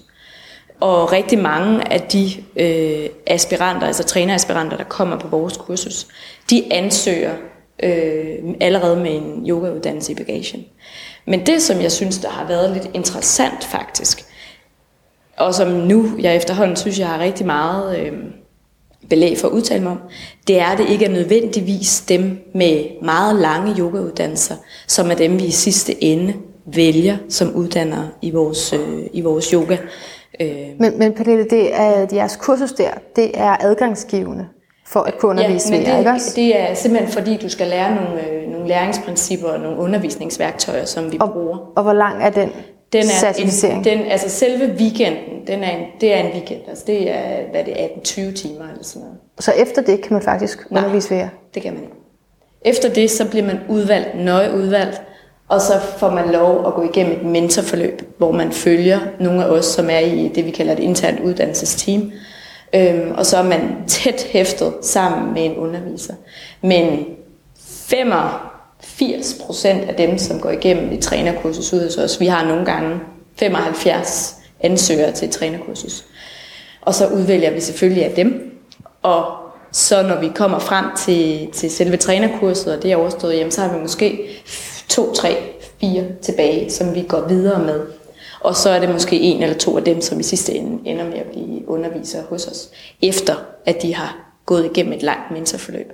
Så hvis der er nogen, der tror, at at vi bare har et trænerkursus i en weekend, og så bliver du bare sluset ud, kastet ud over bjerget og sat til at undervise. Så det er helt forkert. Det må man nok, det må man nok sige, rygtet er. Ja, det ved ja. jeg godt. Men det har jeg bare lænt mig tilbage, og så har jeg nyt at læse det, og så har jeg tænkt, you know nothing. Altså, ja. jeg kan jo ikke, det kan jeg, jeg har ikke, jeg er ikke, øh, jeg er ikke pilgrim for yoga med J. Altså, jeg er bare cheftræner øh, og ansvarlig for, øh, for kvaliteten selvfølgelig af, af vores kurser. Klart. Øhm, og øhm, for lige at binde sløjfe på den anden, jeg sagde før, så viser det sig, at rigtig mange af dem, som kommer med øh, lange yogauddannelser, som de har betalt kassen for, de ved ingenting.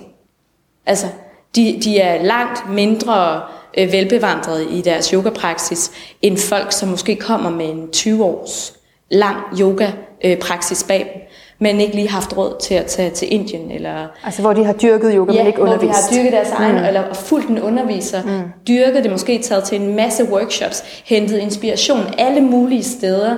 De har bare ikke fået et RYT-stempel i panden, mm. men de har right. uddannet sig på mange andre måder. Så I er faktisk enige i, det er altså ikke timetallet eller yoga alliance? Det tror jeg ikke. Jeg tror ikke, det i sidste ende har noget at gøre med, hvordan du er. Jeg tror, det har noget at gøre med, et, hvor, hvor øh, Hvordan er du som person? Hvor meget empati har du ligesom i dig? Og hvor, hvor dygtig er du til at formidle den viden, som du besidder?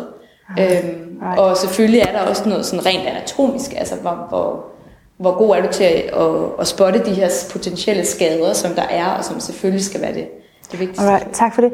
Jeg skal høre, om der, altså, jeg skal til hænder, hvis jeg skal nå at sige noget, fordi vi er snart færdige, og lige om lidt er det forbi. Og så fortryder man, at man ikke fik spurgt. Så endelig, øh, ja, Christian, Yes. Nå, jeg tog et par notater, fordi jeg har også et par sådan lige oplysende kommentarer til noget af det, jeg har sagt. Så jeg vil ikke sige, at jeg er uenig i ret meget af det, jeg siger. Det er kloge betragtninger. En enkelt lille detalje er, at hvis vi går ud og søger på evidens på yoga, så finder vi ingenting. Der er ingen evidens, og det kommer først om 10-15 år, for det har aldrig været relevant. Og du kan ikke gå ind og, altså du kan ikke på forskningsmæssig vis gå ind og dokumentere en effekt af yoga. Så hvad tænker du på en effekt? Jamen det er jo det, altså, præcis. Altså, hvad, hvad vi... For eksempel. Vi kan ikke måle effekten ved yoga, fordi hvad, hvilken kontrolgruppe skal vi måle op imod? Er det crossfitterne, eller er det dem, som sidder derhjemme? Så lige nu, hvis vi går ud og søger på de forskellige forskningsartikler, der er, jamen, der er ikke noget, vi kan drage nogle konklusioner på. Men det vi kan se på, nu vi snakker om skader, øh, det er, at yogaskaderne stiger hurtigere, eller antallet af yogasæt stiger hurtigere end nye yogaudøvere. Så der kommer flere skader, end der kommer nye elever til. Og det, der er spændende at se på, hvem er det, der får skaderne? Det er ikke nybegynderne. Dem, der får skaderne, det er dem, der har været til yoga i cirka to år. Fordi de er så stærke og smidige, at de kan flå sig selv i stykkerne. De mangler at få redefineret deres yogaprojekt. Jeg ved, der sidder en del yogalærer her, hvis nogen af jer har enten set eller hørt, det er sikkert på Louise, eller har en yoga bot, så får man ikke en forstrækning i hasen det første år, for det er man simpelthen bare ikke smidig eller stærk nok til.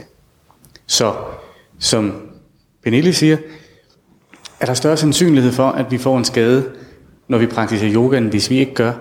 Mm. Mm, igen er det lidt om sådan udtryk, fordi yoga, det gør vi måske en time hver anden dag. Vi lever også og hvis ikke vi træner vores krop, så bliver den for svag til, at vi for eksempel kan samle vores nøgler op, når vi taber dem.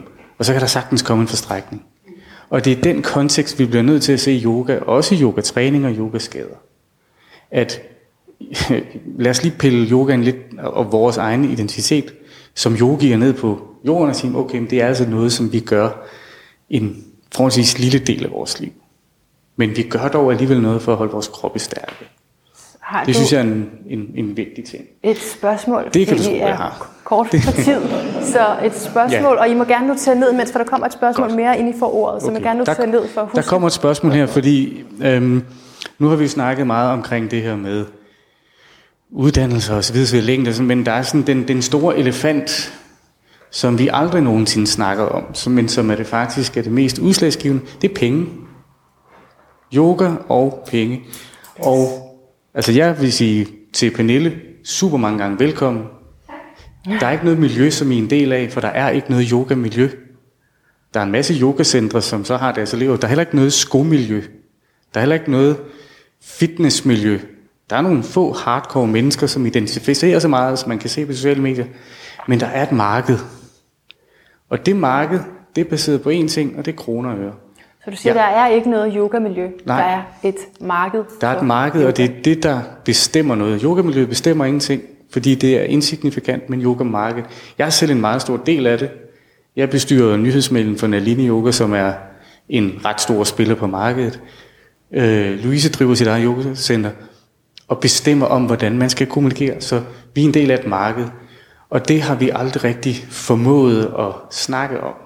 Så det kunne jeg faktisk godt lige tænke mig at tage ind Ja. i den her snak også. Så er Penge der- og yoga. Så er der et spørgsmål, eller bare en Ja, udtalelse om det er der yoga? nemlig. Ja. Og, øhm, og for det første, hvor meget hensyn skal vi som udbyder af yoga tage til mennesker i forhold til vores eget behov for at tjene penge? Øhm, og spørgsmålet er meget øh, øh, relevant i øjeblikket, fordi der er mange yogacenter derude, der lider øh, i øjeblikket, for der er for mange yogacenter til eleverne. Men også fordi vi ser vores skal vi vores, vores, vores øh, lillebror, som er kommet på banen, som er så blevet en storbror, men som egentlig, egentlig vil sige den, den pinlige onkel, øh, som jo egentlig ikke tager det hensyn, fordi man bryder bevidst marketingslovgivningen for at hive folk ind og I få hvad? deres penge. Hvad taler du om nu? Altså den måde, som man skaber abonnementer på. Hvem er, er onklen? Øh, øh, det er yoga, altså yoga med. Nå, godt. øhm, og det er derfor, jeg kunne tænke mig at spørge, er der ikke behov for, at vi tager et hensyn også til kunden, frem for at det bare skal hedde, nu skal vi tænke på at få pengene hjem? Det er mit spørgsmål. Og inden at panelet svarer på det, så har Lene lidt spørgsmål, og I skal vise jeres hænder nu, hvis I har et spørgsmål. Yes. Du rammer lige ind i noget øh, relevant, så jeg ved slet ikke, hvor jeg skal starte. Eller.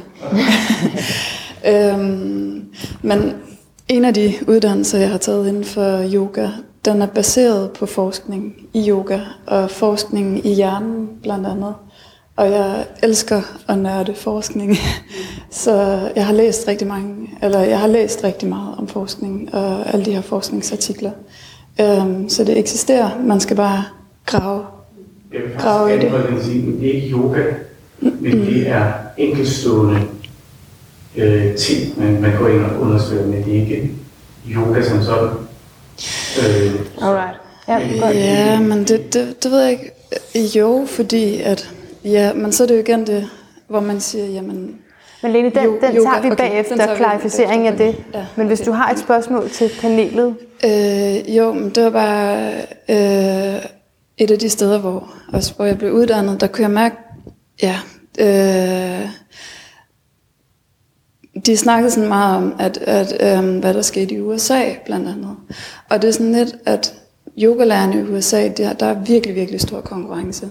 Og folk får lavere og lavere løn, og det bliver sådan studieløn og under studieløn. Og, og til sidst så folk, de slider sig nærmest bare ihjel for at kunne leve af at undervise i yoga.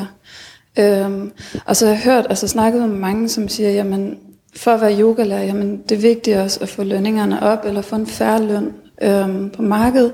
Både sådan, og, og, at vi på en eller anden måde samarbejder som yogacentre. At, at man ligesom aftaler en eller anden løn, fordi jeg oplever nogle gange, at der er nogen, der udkonkurrerer yogacentrene ved at give 140 kroner i timen for eksempel. Og, og så siges, jamen, selvom du har 10 eller 17 års erfaring eller et eller andet, jamen, så får du stadigvæk kun 140 kroner i timen. Og fire uddannelser bag dig, det er stadigvæk 140 kroner i timen. Og så tilbyder de lige fire måneders gratis yoga til alle. Og det er sådan lidt... øh, Altså, det gør yogastudiet. Ja, i studiet. Ja, deres ja, elever. Det, det studiet, som Ja. ja. øh, virkelig lønner yogalærerne meget, meget lavt. Mm. Og det er sådan, øh, der tænker jeg lidt, øh, der, der bør, synes jeg, vi bør stå sammen som yogalærer og som yogacentre også, for ligesom at få de her lønninger højere op, så vi alle sammen kan leve af det, og så, som vi alle sammen, så vi ikke begynder at udkonkurrere hinanden, så der sker det samme som i USA. For, Nej, nej, nej, men alligevel, Fagforening, ja. altså, måske en, en, en yoga-fagforening på en eller anden måde, en fagforening ja. for det her, fordi... Øhm, okay. Yes. Godt, den tager vi også bagefter. nogle guidelines. Ja, men det er et rigtig meget, meget vigtigt indlæg, som jeg også har prøvet at få ind i den her, for det Ja. kunne også være en af implikationerne på fitnesskultur i yoga. Michael har lige et øh, indlæg også. Øh, gider du løbe hen Jeg, prøver, jeg, håber, jeg ved ikke, jeg, jeg vil ikke støde nogen eller noget, så jeg, jeg prøver sådan at formulere Nej, det, så, er, så det godt er som en, muligt. en, en del af den her debat, som bare ikke er, er kommet til udtryk endnu. Yes. Så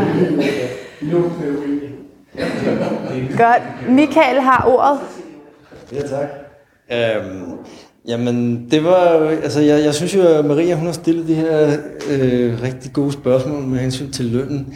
Og jeg ved ikke, om det, det måske er fordi, der er kommunalvalg, men jeg synes faktisk ikke, jeg har fået nogle konkrete svar, øh, sådan med, hvad lønnen er, og hvad, hvad nu ved jeg godt, fordi jeg, jeg er selv yogainstruktør i øvrigt, og, og jeg, jeg har mine egne meninger omkring det, men, men jeg tænker, at det kunne være vigtigt for de resterende, øh, der er mange unge mennesker her, som måske rigtig gerne vil vide, hvad, hvad er lønnen egentlig for en yogainstruktør?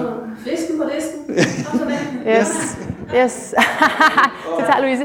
Og jeg vil lige sige noget inden. Ja, har du? et, et øh, tillægsspørgsmål, fordi øh, der er også øh, der er mange virksomheder, som tilbyder deres medarbejdere øh, firma yoga. Og altså, jeg har selv den holdning, at der skal, der skal lidt flere penge på bordet.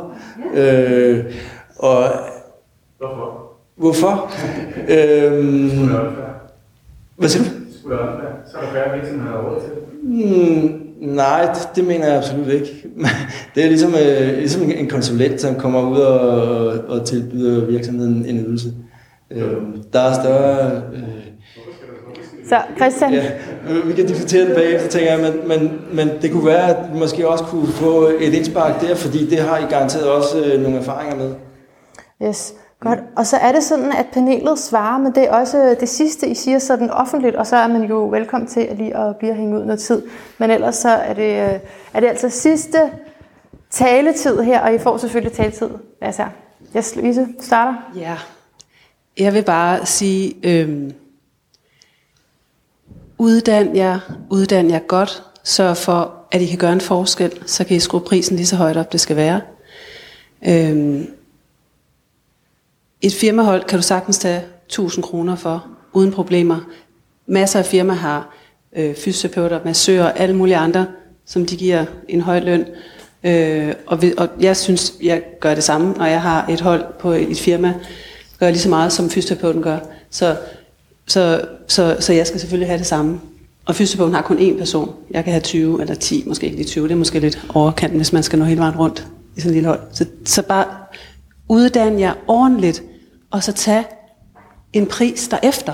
For det kan I sagtens. Hvis I er dygtige nok, så skal folk nok komme. Og, de skal, og det er jer, der sætter prisen. Det er jer, der skal sige, jeg kan det her, jeg koster det her. Hvis du vil have mig, så koster jeg det her. Alright, så det er op til den enkelte. Ja, og, Og hos mig, der få får de, det vil jeg gerne lære det omkring, der får øh, øh, lærerne 350 kroner i timen for en, et, en, en et hold undervisning. Øhm, tror jeg ligger så meget okay. Øhm, men det kan da godt være, at de vil have. Det er lige meget. Det, nej, det er, øh, vi har ikke øh, 90 minutter, vi har kun 60, og vi har en time og en time og kvarter det er sammen. Yes. Øh, og så vil jeg bare sige kort, at man skal også huske på som underviser, man synes, at lønnen er meget lav, så vil jeg bare sige, at en ting er at undervise, en anden ting er markedsføring. Det I ikke får, når I underviser ude hos et sted som for eksempel Alini, hvis, hvis I selv underviser, hvis, I- hvis I selv skulle samle lige så mange elever ind, som Nalini samler ind til den her underviser, så vil I aldrig nogensinde have tid til at undervise. Så skal bare, man skal bare huske på, at man får masser af elever foræret, når man lige snart man træder ind i den linje og underviser, lige snart man træder ind i et fitnesscenter, du får 50-60 elever foræret fra den ene dag til den anden, som du aldrig, som aldrig nogensinde ville have opsøgt dig, for de ja. aner ikke, du eksisterer, Det er de aner ikke, hvad du kan. branding, der ja, gør, at og du får den elever. markedsføring er så hammerende dyr, så I kan slet ikke yes. forestille jer det. Ja. Det er, altså, og det arbejde, der ligger bag at drive et studie, you have no idea. Så Men jeg tager gerne praktikanter ind. Ja. ja, Ja, god, ja, god så- pointe. Yes, vil jeg tak bare for sige. det. En vis ydmyghed også over, at man kommer i grøn, ingenting kan, og rent faktisk får foræret 50 elever, som man aldrig nogensinde vil kunne markedsføre sig til at få. Ingen mm. mennesker vil være interesseret i det. Godt. Og den anden ting, uddann jer ordentligt, så kan jeg love jer, så er der masser at lave, der er masser af penge derude, og der er masser af mennesker, der vil have jer. Yes.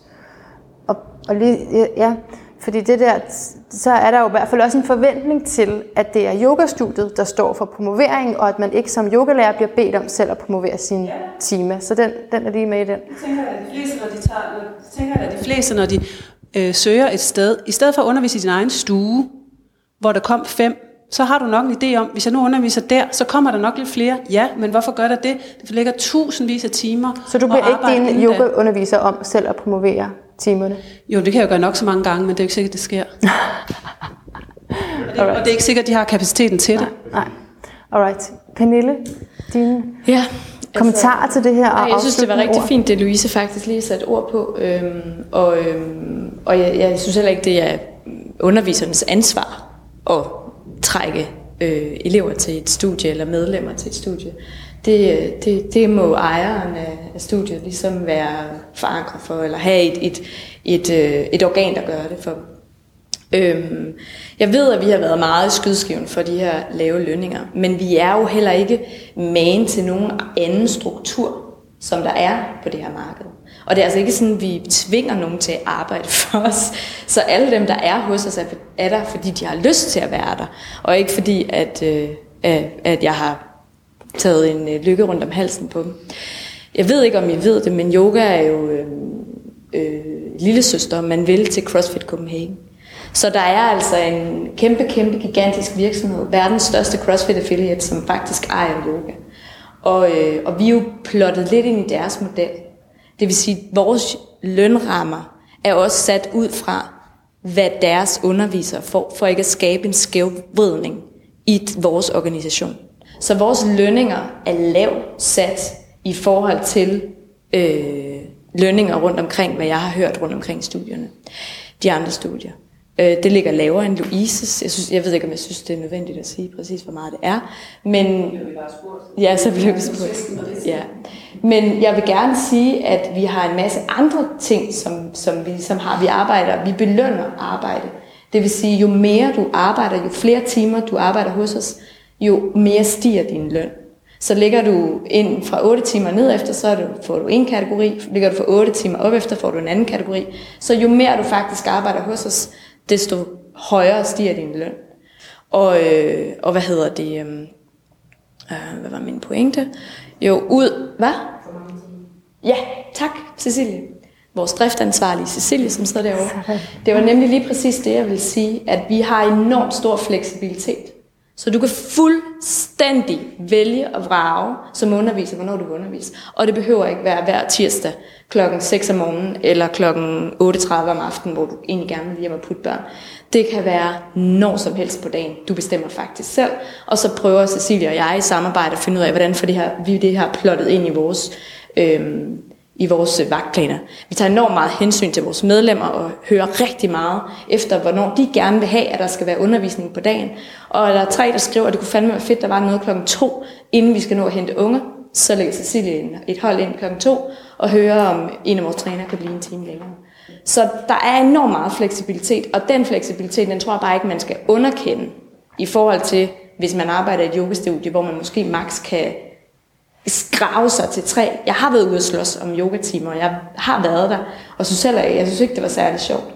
Øhm, så jeg tænker også, der må være noget værdi i at arbejde et sted, hvor der er nogle fleksible rammer at kunne operere indenfor. Alright, god pointe. Godt.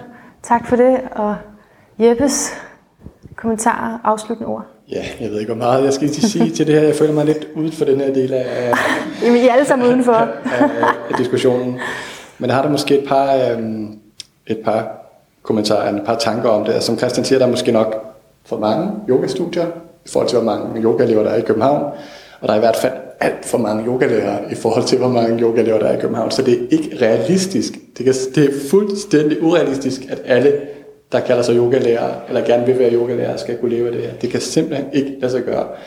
Uh, og det kunne man jo sige, det var en skam, eller det var sjovere dengang, der ikke var så mange yogalærere, så det var meget nemmere, eller sådan, men altså udbuddet er, er alt for stort, så på en måde bliver det jo sådan lidt, at jamen, man må sådan finde sin niche, eller hvad man kan sige, eller sådan, øh, sin plads i, i yoga-markedet.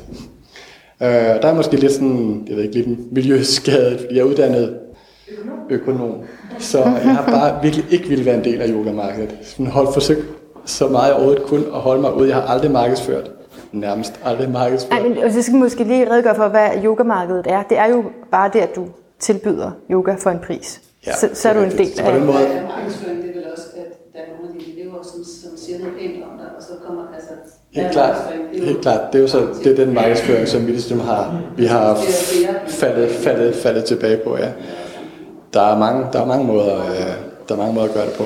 Og sådan som vi opererer, det er jo sådan, altså, som, det er jo mere ud fra et, øh, et fællesskab, og jo mindre sådan, jeg kan have med penge at gøre, Ja. jo bedre, jo bedre. Mindre kommercielt som muligt. Ja, jo mindre kommercielt det er, jo bedre, jo bedre øh, har jeg det med det. Det er jo så bare min, øh, min, min, min tilgang til det. Og det er klart, hvis jeg ikke kunne leve af det, så skulle jeg jo finde på noget andet. Altså, og den, der var en periode, hvor vi rykkede til et nyt sted, og så kunne jeg godt se, at huslejen det var højere, men du skulle jeg ud og arbejde som, som pakkepost en periode for at betale huslejen. Så på et tidspunkt behøvede jeg ikke det mere, så, man sige, så kunne jeg stoppe med det og bare hælde i mig øh, undervisningsgerningen igen. Men jeg tænker der nogle gange, at hvis jeg havde fortsat som økonom, jeg kunne have tjent fem gange så mange penge. Som, Tænker du nogle gange det, eller hvad ja, det du? tænker jeg nogle gange. Jeg kunne have tjent styrtende med penge nu, men Ja.